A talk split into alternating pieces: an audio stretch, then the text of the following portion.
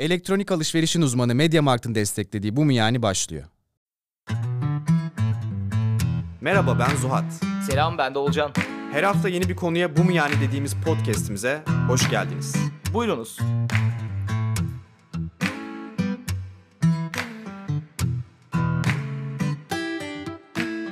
Millet bu hafta Ademoğlu'nun insanlığın böyle en büyük dertlerinden bir tanesi. Yeri geliyor burnout'a sürüklüyor. Yeri geliyor uykularınızı kaçırıyor. Bizim de uykularımızı kaçırıyor. Potansiyel. Bir insanın hep duyduğumuz potansiyel nedir? Potansiyele ulaşmak nedir? Nasıl ulaşılır?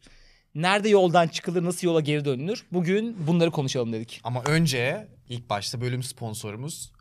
Bu bölümün sponsoru Wiser millet. Wiser böyle yeni nesil bir sosyal medya platformu ama nasıl bir sosyal medya platformu? Bizim boklamayacağımız türden bir sosyal medya. Yani hep diyorsunuz ya bize işte bu konuştuğunuz kaynakları ya da önerdiğiniz kitapları nereden bulabiliriz diye. Aslında Wiser yani bizim gibi yaratıcılara böyle kürasyonlar yapıp işte takip ettiği kanalları, okudukları kitapları takipçileriyle paylaşmalarını sağlayan çok güzel bir sosyal medya platformu. Ve daha çok geniş şu an daveti olmadan bile giremiyorsunuz ama tabii ki siz bu mu yani takip ettiğiniz için bu mu yani koduyla üye olabilirsiniz. Açıklamalarını da zaten linke bir yere ekleriz. Zaten bölümün içine daha detaylı anlatacağız Wiser'ı.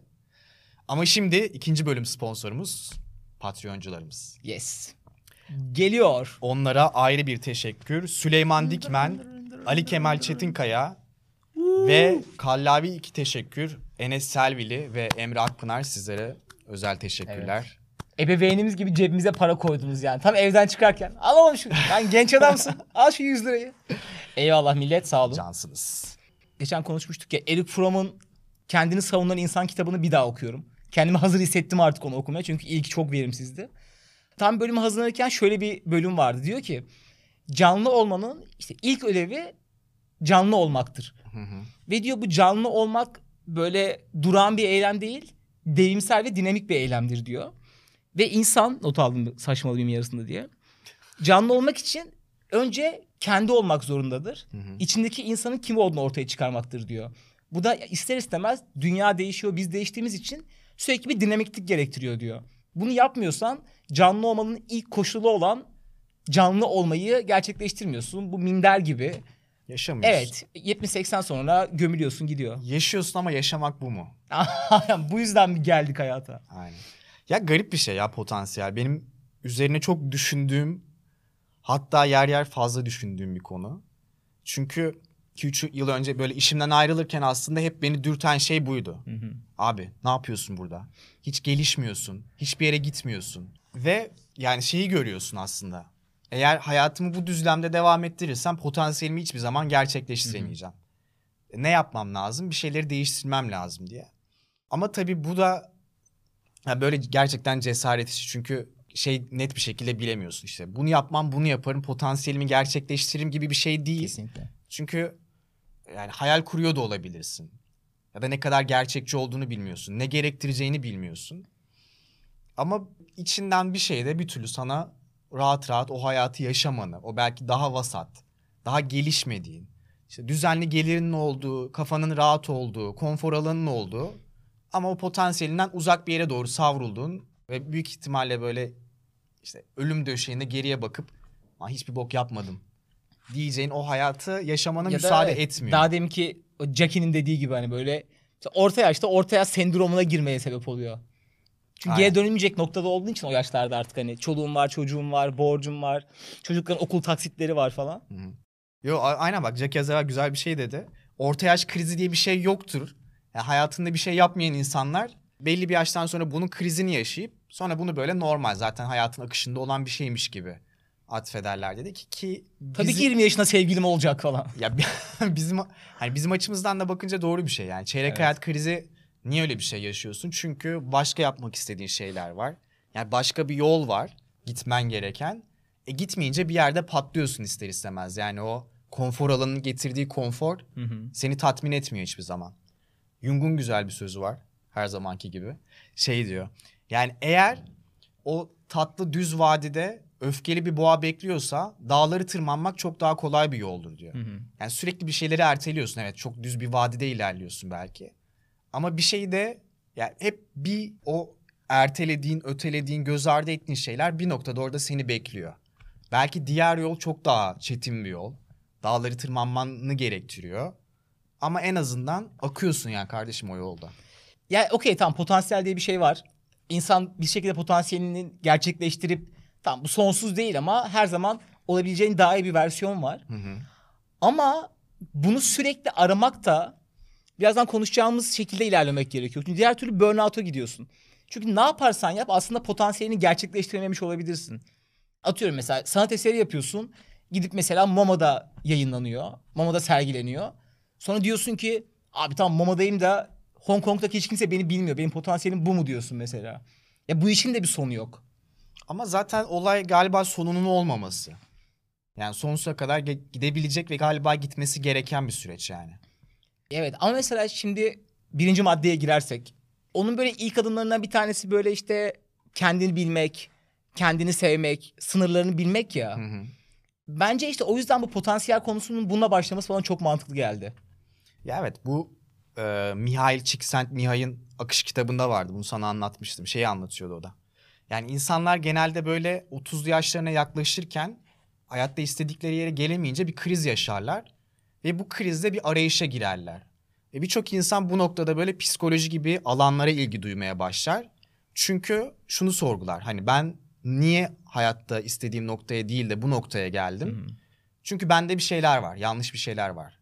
Ve bunu didiklemeye başlarsın. Hepimizin yaşadığı bir şey bu yani. Kimse 21-22 yaşındayken bu kadar çocukluk travmalarını düşünmüyordu. Ama 27-28 yaşına gelince hayatın gittiği yönü böyle net bir şekilde görünce bir durup düşünüyorsun hani kendini sorguluyorsun. Hani hakikaten böyle şapkanı önüne koyup Evet şey oluyor. hani- niye böyle oldu diyorsun. Evet, mesela ben de böyle biriyim ya derken yavaş yavaş şeye geliyor 30 yaklaştıkça. Aa, ben niye böyle biriyim? hani o seni böyle güzel yapan karakteristik bir şey gibi gelirken hı. bir şeyler galiba ters gidiyor ya falan diyorsun. Aynen öyle. En zor kısmı o. Yani çünkü insan beyni savunma mekanizmalarıyla çalışıyor. Şu Dunning-Kruger bölümünde de bahsetmiştik mesela. Geçen onunla ilgili güzel bir şey okudum. Şey diyor. Yani işte Dunning-Kruger'da şey anlattık ki aslında birçok insan kendisini olduğundan daha iyi bir konumda görüyor diyor. Buna ek olarak şöyle bir şey yazmış birisi de. İşte kim mesela hakikaten kendisini olduğu gibi gören, daha doğru değerlendiren grup kim diye baktıklarında depresyondaki insanları görmüşler. Hı hı. E Çünkü kendine karşı dürüst olunca beraberinde en azından ilk aşamada bir mutsuzluk getiriyor. Yani o savunma mekanizmasının amacı o. Ya işte şey diyorsun kendi kendine. Ya bu, benim hayatımda böyle ama ya bak şu var, bu var vesaire deyip bir şekilde o savunma mekanizmalarıyla kendi hataların üzerini kapatıyorsun. Ta ki bir noktaya kadar. Yani bir noktadan sonra artık onlarla kaçınılmaz olarak yüzleşmen gerekiyor. İnsanın yapabileceği en zor şey kendini kandırmamasıdır diye bir laf var ya. olması. Doğru. Doğru. Evet abi. Kendini kandırmamak gerçekten zor ya. Ya işte o bir yerde patlıyor. Takriben 27-28. Biz de patladığı Aynen. yeri söylüyoruz. Biz de patladı podcast'in ilk bölümünü yaptık. Ya o böyle dipsiz bir kuyu ya hani şey olarak. Tamam okey bir öz farkındalık elde ediyorsun. Doğal olarak özgüvenin düşüyor. Hı hı. Sonra daha umutsuz bir yere gidiyorsun. Ama orası tam böyle şey gibi. Klasik şey hikayesi var ya işte bir, iki tane fare sütün içine düşmüş. Biri çok çabalamış. O işte mayalanıp yoğurt olmuş. Tencereden çıkmış. Diğeri ölmüş mal falan. Ha, Biliyor musun hikayeyi? Tamam. Ama aynı onun gibi yani o depresif ruh halindeyken veya bıkmış ruh halindeyken çıkmak gerçekten daha zor ya. İçinden bir şey yapmak da gelmiyor. Hı hı. Asıl ama tam olarak o noktada böyle performansını, zorlayışını falan böyle 2-3 katına çıkarman lazım ki zaten kötü bir halden daha iyi bir yerlere gidebil. Yoksa bu depresif ruh hali veya bu benden de bir bok olmayacak kafa yapısı insana yerleşebiliyor. Ya o zaten öğrenilmiş çaresizlik oluyor. Evet ben de böyle bir hayat yaşamaya geldim diyorsun. Ya bence burada iki tane yapılan hata var bana göre. Burada Jung falan referans veremiyorum. Benim şahsi düşüncelerim. Geçen duşta aklıma geldi. Ee, bir senin dediğin hikaye yani öğrenilmiş çaresizlik. Diyorsun ki abi ben de bu kadarım diyorsun. Ee, yani benim de potansiyelim bu kadar. Hak ettiğim bu diyorsun. Çünkü gerçekten insan beyninde işte buna kognitif dissonance diyorlar. Yani düşüncelerinle eylemlerin uyuş, uyuş, uyuşmak uyumuş ah, düşünceleriyle eylemlerin uyuşması gerekiyor birbiriyle. Yani örneğin sigara içiyorsan Hı hı. bir yandan da sigaranın çok zararlı bir şey olduğunu düşünüyorsan bunu bir şekilde uyumlamak için şöyle bir, bir şey demen gerek. Ya aman hani bu da insan hayatını kısaltıyor ama ya sigara olmadan da uzun yaşayıp ne yapacağım gibi. Aynı şekilde İçen de ölüyor, içmeyen de ölüyor.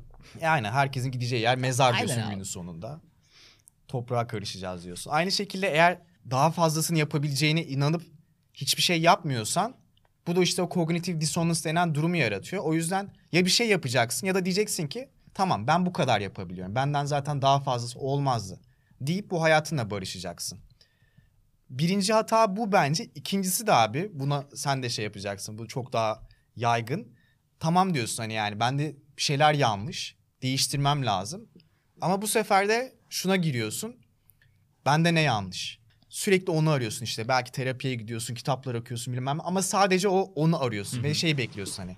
Bende bir şey yanlış. Onu bulacağım, düzelteceğim ve her şey düzelecek. Yani ö- Evet. öyle bir şey de mümkün değil. Aslında ikisi de yani aynı şeyden yani aynı e, ne diyeyim kolaycılıktan geliyor. Yani birinde aksiyon almamanın kolaycılığı, öbüründe böyle hani sanki Bitcoin'e yatırım yapıp zengin olmak gibi işte terapiye gideceğim, çözüleceğim ve her şey düzene girecek.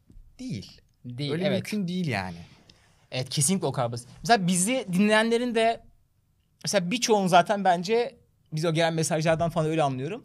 Buna benzer bir refleks var. Yani biz böyle çok hap bir şekilde bir şeyler okuyup teşhis koyup veya böyle yorumlar yapıp konuyu kapatıyoruz ya.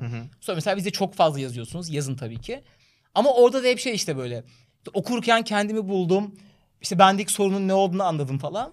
Ya bu tam olarak şey. Okey abi geçmiş olsun artık sorunu teşhis ettin. Bir şekilde doğru veya yanlış. Ama asıl şimdi uğraşmaya başlaman gerekiyor. Yani tesis etmek veya bir şey çözmek 30 dakikalık bir podcast'te veya işte bir tane kitap okumakla olmayacak. İşte ya tesis edip- olabilir de ilk adımı olur İlk yani. adım olur evet. Üzerine sonra gitmen gerekiyor, düşünmen gerekiyor.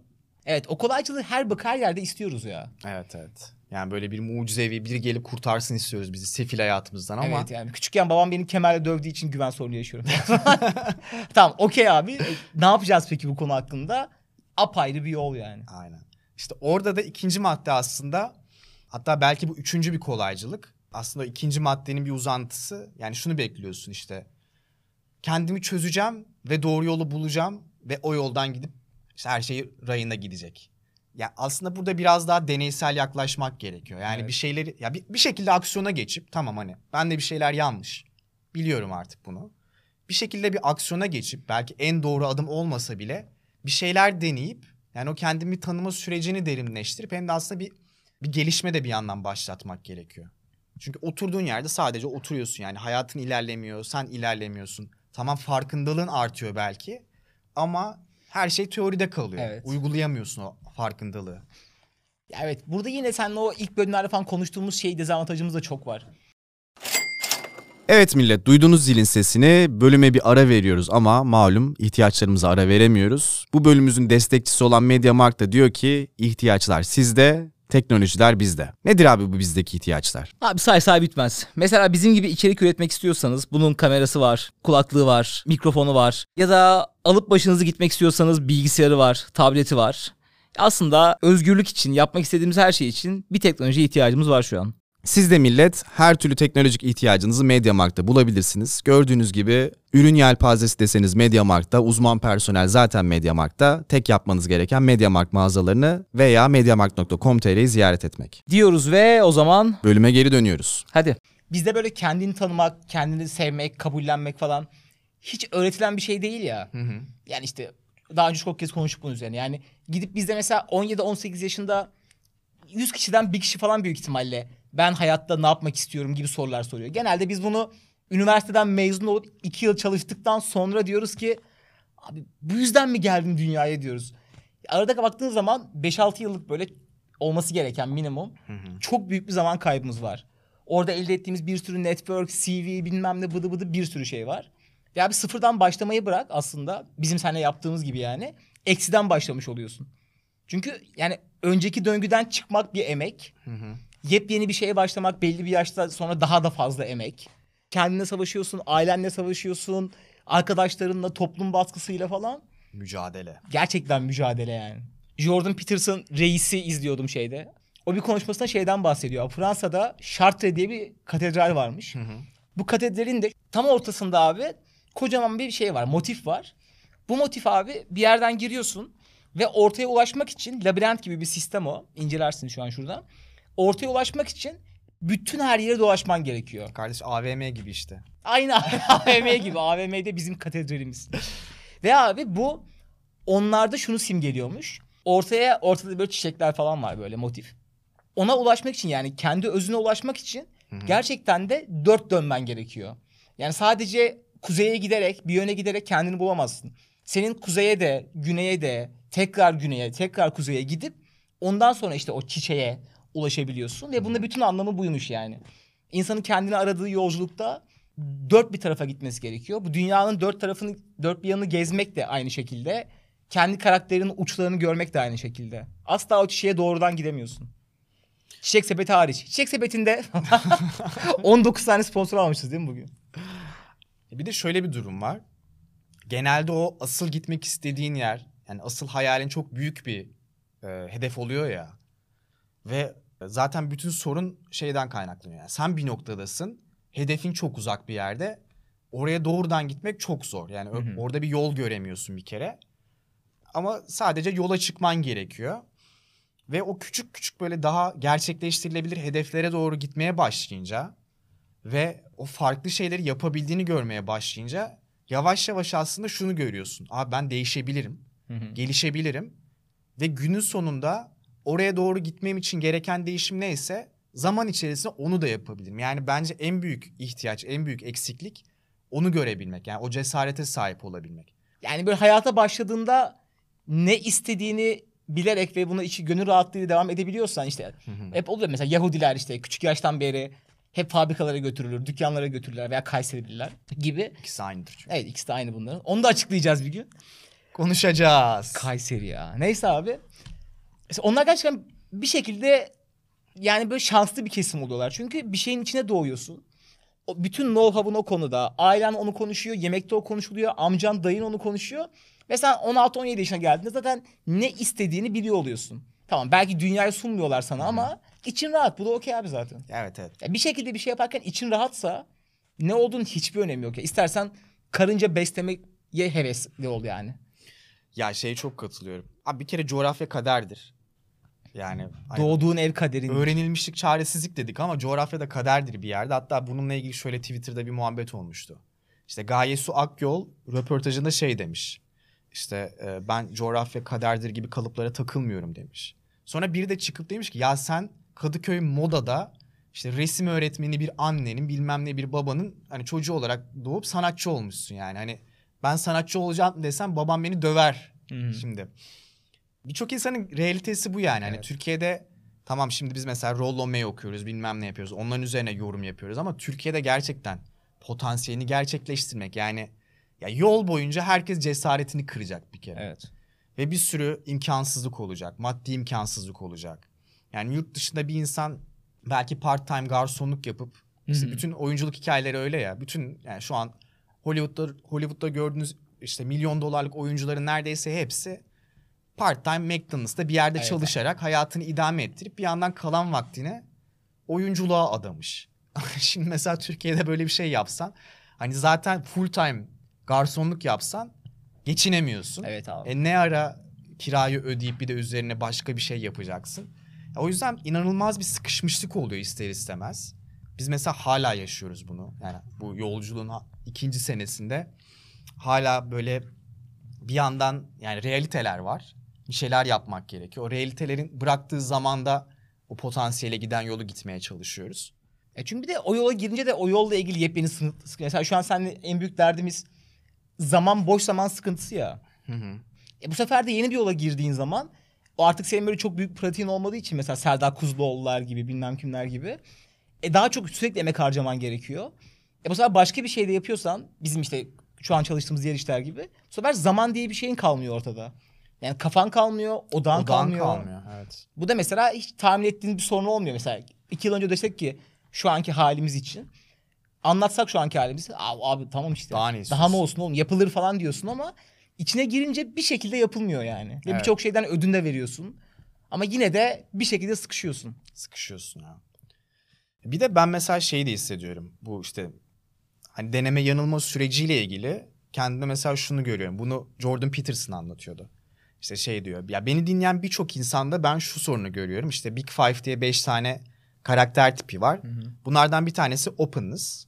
Yani işte openness'ın yüksekse yani açıklığın yüksekse yeni tecrübelere açık oluyorsun. Yeni şeyler denemek istiyorsun. Rutini sevmiyorsun. Sürekli hayatında yenilik istiyorsun.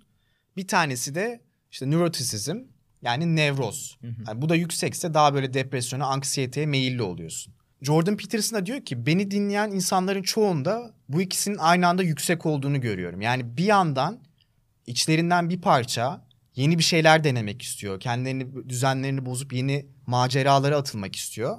Ama diğer bir parçada o düzen bozulduğunda depresyona, anksiyeteye sürükleniyor ve bunu biliyorlar. Bildikleri için sıkışıyorlar. Çünkü yeni bir şey istiyor ama o yeni maceraya atılmak çok büyük bir anksiyete getirecek. Ve bunun da diyor tek bir aşım yolu var. İşte üçüncü bir Big Five Uyuşturucu. maddesi uyuşturucu. Ağzımdan aldın. Conscientiousness. Çok zor söylemesi be. Yani o da sorumluluk duygusu aslında. Ya diyor ki hani openness'ınla ilgili hiçbir şey yapamazsın. Bu senin karakterindir. Ee, nevrotik eğilimler de aynı şekilde. Ama conscientiousness, conscience değiştirilebilir diyor. Yani sorumluluk bilincini arttırabilirsin diyor. Ve eğer böyle bir sıkışmışlık yaşıyorsan o zaman daha fazla kendini sorumluluk bilincine, işte daha düzenli, daha organize, daha çalışkan biri olman lazım ki bu yeniliklerle baş edebilesin. Yani yeni bir yola girdiğinde orada hızla kendine bir düzen kurabilesin ve o normal şartlarda yaşayacağın işte o özgüvensizliği, anksiyeteyi çok daha kolay atlatasın. Şu da çok fazla oldu. Onu düşünüyordum sen konuşurken. Mesela bir şekilde Ben bahset- konuşurken burada ol, beni dinle Hayır, hayır anda değilim. Bir dahaki bölüm konuşacağız. Abi evet çünkü mesela belki gerçekten öyle nevrotik bir karakterim var. Ama şu anda hepimizin en çok dertli olduğu konulardan bir tanesi sosyal medyada, dünyada herkes sana her şey yapmanı söylüyor ya. Bu da mesela bunun çok büyük bir tetikleyicisidir büyük ihtimalle. Yani sen aslında o karakter değilsin. Ama o karakter olmanı istiyor herkes senden. Yani o geziye çıkmanı, yeni şeyler denemeni, dünyayı gezmeni, konfor zonunu sürekli yıkmanı. Belki ama bir anda o karakter olamayacaksın. Hep küçük bir adım atman gerekiyor. Önce böyle ayağını suya sokman gerekiyor belki de. Ama sen bir anda onu denediğin için, her şey sana çok basitmiş gibi gösterildiği için dalıyorsun ve dediğin gibi orada konfor zonundan çıkıp tamamen panik zonda kafayı yiyorsun ve özgüvenin çok daha düşmüş halde geri geliyorsun. Ya ben askerden dönüp tek başıma döndükten bir hafta sonra yurt dışına gitmiştim ya. ya oradaki ilk bir hafta falan benim için öyleydi yani. 5-6 ay askerden sonra tek başına sırt çantası alıp işte ilk başta Barcelona'ya gidince ya bir hafta falan mal oldum mesela. O çok büyük bir değişim olmuş kardeş. Abi çok büyük bir değişim oldu. Sonra da tam tersi tarafta nevrotik sa- saçma bir karaktere büründüm. Böyle her gittiğim mekanda masanın üzerine çıkıp şat atıyorum, millete bağırıyorum falan. Aslında o da değildim. O da değildim ama ondan çıkmak için tamamen oraya gitmem gerekti. Falan geçirdiğim akşamların çoğunu bozmuş. hatırlamıyorum bile falan. Yenilik evet. seni fazla bozmuş. evet. Fazla attım kendim yani orada. Evet. Ya sonuç olarak aslında şunu kabul etmek gerekiyor. Yani korku ya da işte anksiyete ne dersen de buna. Ya bu işin bir parçası. İşte bunu daha önceki bölümlerde söylemiştik. Yani eğer sabit bir şekilde kalırsan yani hiç büyümezsen ve işte şey diyor Rollo May kendini arayan insan kitabında. Yani işte potansiyel öyle bir şeydir ki yani nasıl işte bacaklarını kullanmayan bir insan uzun süre sonra bacaklarını hakikaten kullanamaz. Potansiyel de gerçekleştiremediğinde aynı şekilde seni hasta etmeye başlar diyor. Aslında birçok nevrotik rahatsızlığın e, depresyon gibi özellikle bu gerçekleşmeyen potansiyelden kaynaklandığını söylüyor. Yani o anlattığımız işte deneme sürecine girince, harekete geçince de ya orada da çok mutlu mesut olamayabiliyorsun. En azından uzunca bir süre anksiyete yaşayabiliyorsun. Geleceğe doğru kaygı duyuyorsun çünkü düzenini bozman gerekiyor. Yani bunun da aslında sürecin bir parçası olduğunu söylüyor Rollo May. Yani eğer bunları yaşamıyorsan zaten kişisel büyümen durmuş demektir demiş kendisi. Tamam okey. Potansiyel. Kullanmazsak şişiyoruz belli ki yani. Hı hı. Hepimiz de yaşadık. Hala da yaşıyoruz bazen. Geçmişte daha fazla yaşıyorduk. Şimdi en azından konuşabiliyoruz. Birileri dinliyor falan. Peki abi çözüm olarak mesela benim okuduklarım arasından bana böyle en mantıklı gelenlerden bir tanesi kesinlikle zaten daha cesur olmak. Yani daha demin bahsettiğim böyle openness, yani açıklık, yeni deneyimlere açık olma Openness. kısmını ya o kısmını biraz daha böyle bonkör kullanmak gerekiyor. Hı hı. Yani ben bunu yapamam. Ay ne gerek var? Ben öyle biri değilim dememek gerekiyor. Çünkü e, bunu böyle bir bölümde konuşmuştuk seninle. Ya mesela çok saçma bir film izlerken veya çok kötü bir kitap okurken de bazen gerçekten böyle bir cümle okuyorsun veya bir sahne oluyor. Ve bir bakıyorsun böyle hayatının gerçekten o kadar çok alanında aklına gelmeye başlıyor ki o sahne. Senin düşünemediğin bir kapı açmış oluyor sana. Ki o iki saatin belki 1.59'u tamamen çöp. Ama o bir dakika senin hayatını tamamen değiştirebiliyor. Var böyle filmler. Var. Var böyle tipler. Var böyle tipler. Evet ya benim için mesela Fight Club öyleydi. Fight Club'a biri ekşi sözlüğe çok cheesy niye bu filme referans veriyorlar Hmm, yazmış. evet. Sensin cheesy. Bu kadar Sana tek mi? şeyim bu kadar. Çünkü Fight Club gerçekten yani çok basit bir film gibi duruyor.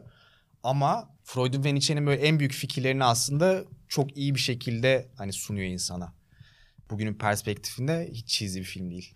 Yani cheesy olduğunu düşünüyorsanız bir daha izleyin. Asla Evet. öyle değil. O film artık kült yani. Klasik olmuş filmler.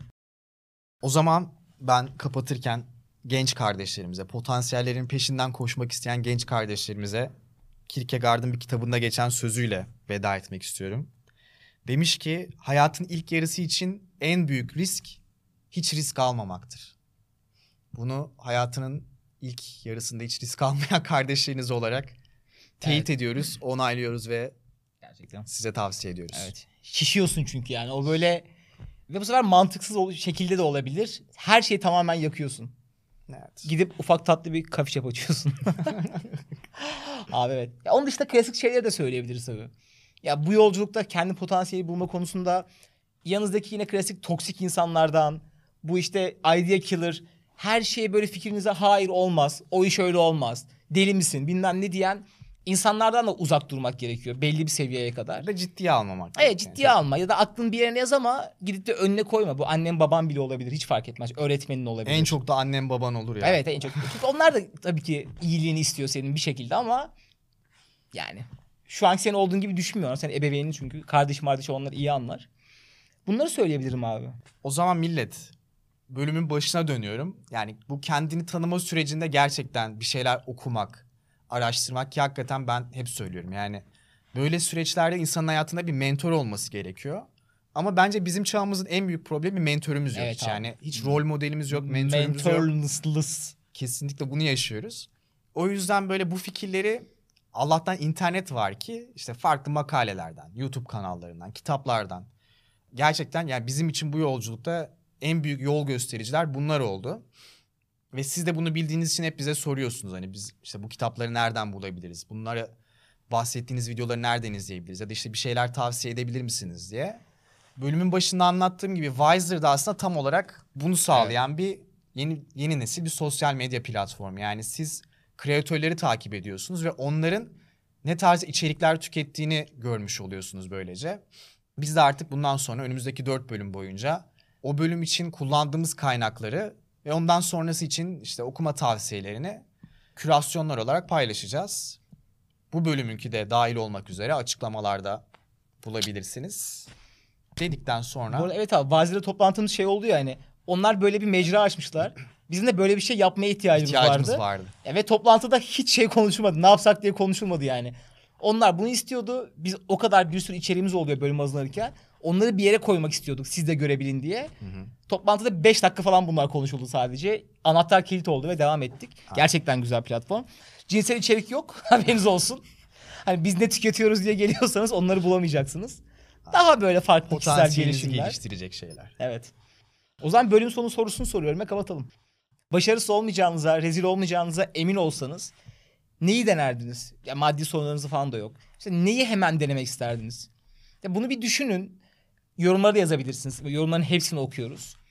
Ve sonra kendinize şunu sorun yani ben bunu bu yüzden yapmıyorum. Başarısız olmak veya bir rezil olmak korkusuyla. Ve yapmayacak mıymış yani? Bu şekilde bunu kabulleneceğim ve hayatımın sonuna kadar bu korkumla mı yaşayacağım? Bence kendinize böyle kısa zamanlı olarak bu soruyu düşünüp en azından buna yakın bir tecrübe, deneyime hediye etmeniz gerekiyor. Bunu lütfen önce bizim için, sonra yaratıcımız için yapın. Allah'ınız için. Bunun üzerine ben de tamamlayıcı bir soru sormak istiyorum. Evet. Şimdi herkes gözlerini kapatsın. Doktora gittiniz ve dedi ki bir ay ömrünüz kaldı. Bu haberi aldığında en çok neyi yapmamış olmaktan pişmanlık duyardın? Ne eksik kalırdı? Yani ne mesela ben şu an bir ay sonra öleceğimi bilsem birkaç şey var kafamda abi daha şunları yapacaktım dediğim. Ben de kesinlikle bir skydiving yaparım. Onu çok merak ediyorum. O zaman İki sorumu- de herhalde Ha. sosyal sorumluluk projesiyle falan çok daha fazla ilgilenirdim. sorumun B maddesi, B fıkrası da şu. Seni şu an onu yapmaktan alıkoyan şey nedir? Hiçbir şey değil. Sadece öyle sen Hak ediyorsun o zaman. Okey millet. Kafamızda Bizi- gittiğine göre YouTube'dan takip edenler paylaşmayı, takip etmeyi, bir şeyler yapmayı, ne yapmayı? Ha, pardon. evet, ve bu gitti. soruların cevaplarını yorumlara yazabilirsiniz. Yorumlara yazmayı unutmayın. Kesinlikle okuyoruz. Cevap bazen işte ben bu hafta Instagram'da birkaç soruya cevap verdim böyle görüntü olarak. Hı hı. En kötü güzel sorulara oradan cevap veririz yorumlara falan. Her Ama asla boşa ama. gitmiyor yani haberiniz Aynen. olsun. Siz seviyoruz millet. Twitter, Instagram, Twitter, Instagram. podcast. Siz... millet tabii ki de podcast'ten de biz dinliyorsanız Apple Podcast, Spotify bizi herhangi bir sosyal mecrada paylaşmanız bizim için en önemli şeylerden bir tanesi. Çünkü daha fazla insana ulaşmış oluyoruz biliyorsunuz ki bu sayede. Esirgemeyin, az çok demeyin, az takipçim var demeyin. Paylaşın. Evet, bizi paylaşan fenomen insanlar da görüyoruz. 500 bin takipçili falan. Bizi lütfen etiketleyin. Sağdan soldan duymayalım artık. Sizin de bize yapacağınız en iyi, büyük iyilik bu olabilir yani. Bu arada millet hani bazılarınız Patreon'a gelemiyor, bize destek olmak istiyor. Böyle sponsorluklarımız olduğunda ki bun, biz bunlara gerçekten inandığımız şeylerden elimizden geldiğince seçmeye çalışıyoruz ama Wiser onlardan bir tanesi kesinlikle. O açıklamalara koyduğumuz linklere girip oradan üye olursanız, orayı kullanırsanız bu bizim ileride daha fazla sponsorluk anlaşması yapmamıza ve yani buraya daha sürdürülebilir kılmamız için çok çok büyük bir yardım. O yüzden kesinlikle az çok demeyin. Benim oyum ne değiştirir demeyin. Atın. O linke girin, tıklayın. Tatava yapma. Tıkla geç. Tak tak. Tak tak. Bizi mutlu edin. Okey. Haftaya kadar görüşmemek üzere. Bay bay millet. Hoşçakalın.